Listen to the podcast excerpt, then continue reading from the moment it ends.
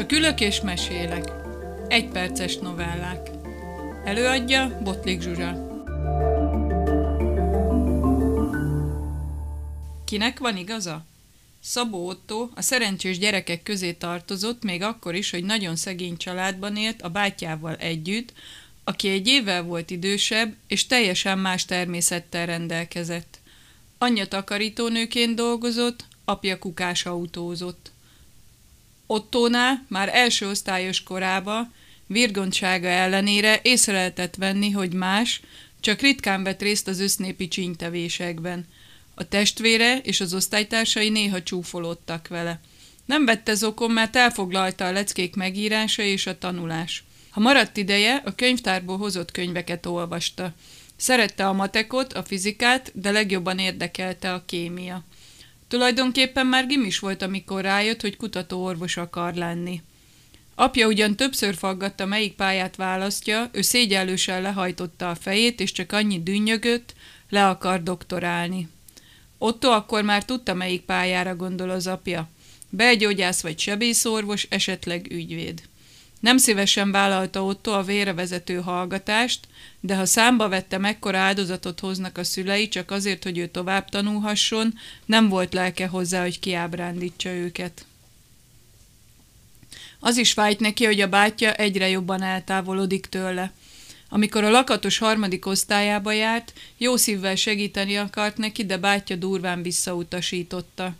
Ez nem lehetett meglepő, hisz állandóan azt hallotta a szüleitől, vegyél példát az öcsédről. Nézd meg, ő egyedül tanul segítség nélkül, neked pedig csak a hülyeséggel jár az eszed. Eszükbe se jutott, hogy ezzel a felelőtlen összehasonlítással éket vernek a testvérek közé. Elkövetkezett az érettségi ideje, a szülők kitettek magukért, még kölcsönt is vettek föl, hogy az egész rokonságot meghívassák a díszebédre. Arcuk ragyogott a boldogságtól, végre hivatalosan bejelenthetik, hogy a fiúk vagy sebészorvos, vagy üdvéd lesz, úriember, akinek előre köszönnek. Az idősebb szavó legszívesebben már a leves után felállt volna, hogy elmondja a köszöntőjét, de visszafogta magát, megvárta, míg a vendégsereg végigevett minden fogást. Amikor a jó lakottságtól elpilledve hátradőltek, felállt, feltartotta a poharát, és ünnepélyes félmosója belekezdett a mondókájába, ami rövidre volt szabva. Most pedig, folytatta, ígyunk arra, hogy négy-öt év múlva ugyanitt egy sebészorvost vagy egy ügyvédet ünneplünk majd. Vagy egy rongyos gatyájú kutatóorvost, aki örül majd, ha egy nap egyszer jól lakhat. Az apa dörgő hangon szólt rá. Már megint mit hülyéskedsz, hülyeségeket beszélsz. Kérdezd meg őt magát, rántotta meg a vállát a fiú. Kérdés nélkül jött a határozást, ellenmondást nem tűrő válasz. Igen, apám, a kutatói pályát választottam. Ha úgy tetszik, az emberiség szolgálatába állok. Az én engedélyem nélkül? röffent fiára az apa. Azért törjem magam a munkával, hogy a fiam azt tegyen, amit akar? Na, azt már nem. Amíg az én asztalomról leszel, azt teszed, amit én akarok. Érted? Ekkora már vérerek hálózták be a szeme fehérjéjét. Ha saját fejed után akarsz menni, le is út, fel is út. Majd meglátjuk, hogy hová jutsz. Azt is kijelentem, látni sem akarlak többé. A fiú bocsánat kérően mély szomorúsággal válaszolt. Legyen úgy, édesapám, ahogy kívánod. Most leteszem a poharat, és elmegyek. Elmegyek örökre, nem viszek magammal semmit, csak ami rajtam van. Ígérem, látnod sem kell többé, mert Franciaországba fogok tanulni. Búcsú pillantást vetett az édesanyjára, és csak nem sírva fakadt. Anya tekintetét, bár elhomályosította a drámai jelenet, látszott rajta mennyire egyetért a férjével. Lenyelte a keserű pirulát, sarkon fordult, és elhagyta a szobát. Azt gondolná az ember, hogy az apja utána lép és könnyes szemmel kér bocsánatot. De nem, ellenséges tekintettel nézett körül, szinte kiszakadt belőle az indulat, hörögve kiáltotta. Nézzenek oda, még neki áll feljebb!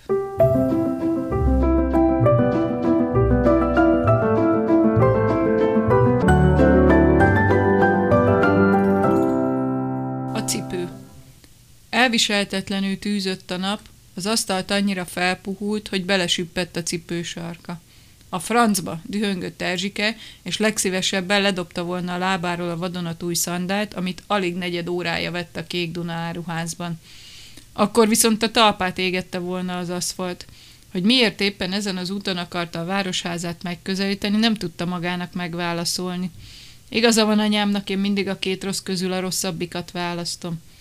Úr Isten állt meg egy pillanatra az ütőben, ha meglátja a szandám tíz centis sarkát, hallgathatom a tanmeséjét, míg csak el nem kopik, az áráról nem is beszélve.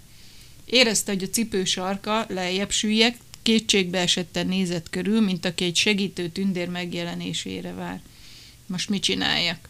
Egy fekete varburgált meg tőle nem messze.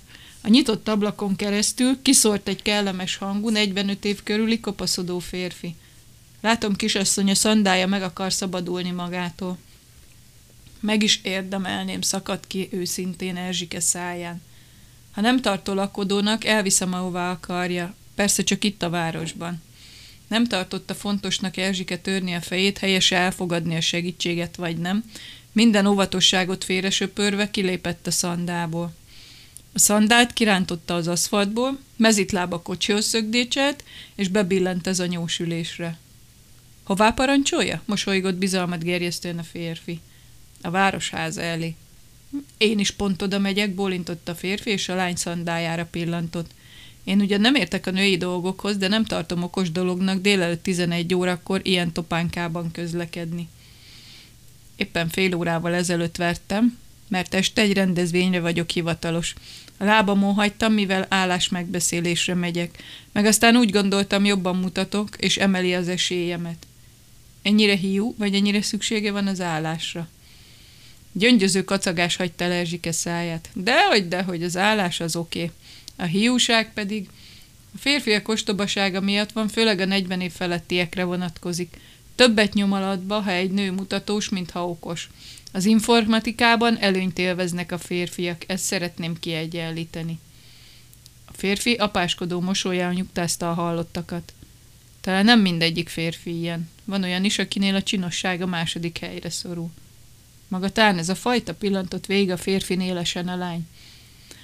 Azt mondják rólam még a feleségem is, hogy a munka megszállottja vagyok. Bár szeretem a hölgyek társaságát, megelégszem a feleségemmel. Miért nem tudok ilyen pasit kifogni, sóhajtott fel Erzsike, nem titkolva gondolati kívánságát.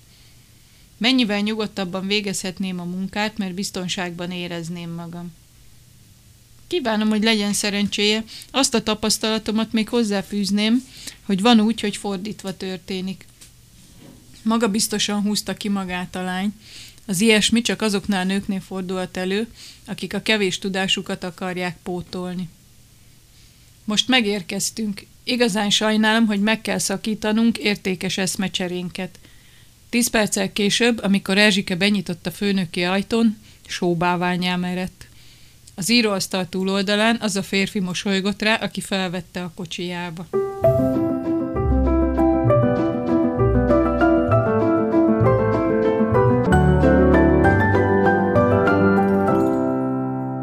Orion Express Délelőtt 10 órakor indult az Orion Express a keleti pályaudvarról, 1980-at mutatott a naptár. Kálmán Andrásné türelmesen megvárta, míg az utasok nagyobb része felszállt, majd egyenként felrakta a bőröngyeit. Minek törjem magam, gondolta, helyem úgyse foglalják el. Az ablak mellé szólt a jegye, és annak nagyon örült, különösen, hogy vele szemben egy nyugdíjas korú 65 év körüli nő ült. Tíz éven át várta erre az utazásra, ötször adta be az útlevélkérelmét, de csak miután nyugdíjba ment, akkor kapta meg meghívó levél ellenében. Párizsba utazott az öccséhez, aki 56-ban diszidált. Csupa jókat írt Franciaországról, legfőképpen, hogy végre van értelme a szorgalmának. A férje nem jött vele. Először bosszankodott, hogy egyedül elengedi a hosszú útra, de mire indulni kellett, megbékélt. Néhány hetet kibír, hogy mindenről magának kell gondoskodnia, csak a vérhigító tablettát el ne felejtse minden nap beszedni, aggodalmaskodott. Nem kellett volna elkényeztetnem, most itt az eredmény, fűzte tovább gondolatait. Ah, kár agyalni az ilyesmin, jussa rontom el a kedvemet. A szemben ülő nőt is a saját gondolatai foglalkoztatták, mert nem mutatta jelét, hogy beszélgetni szeretne.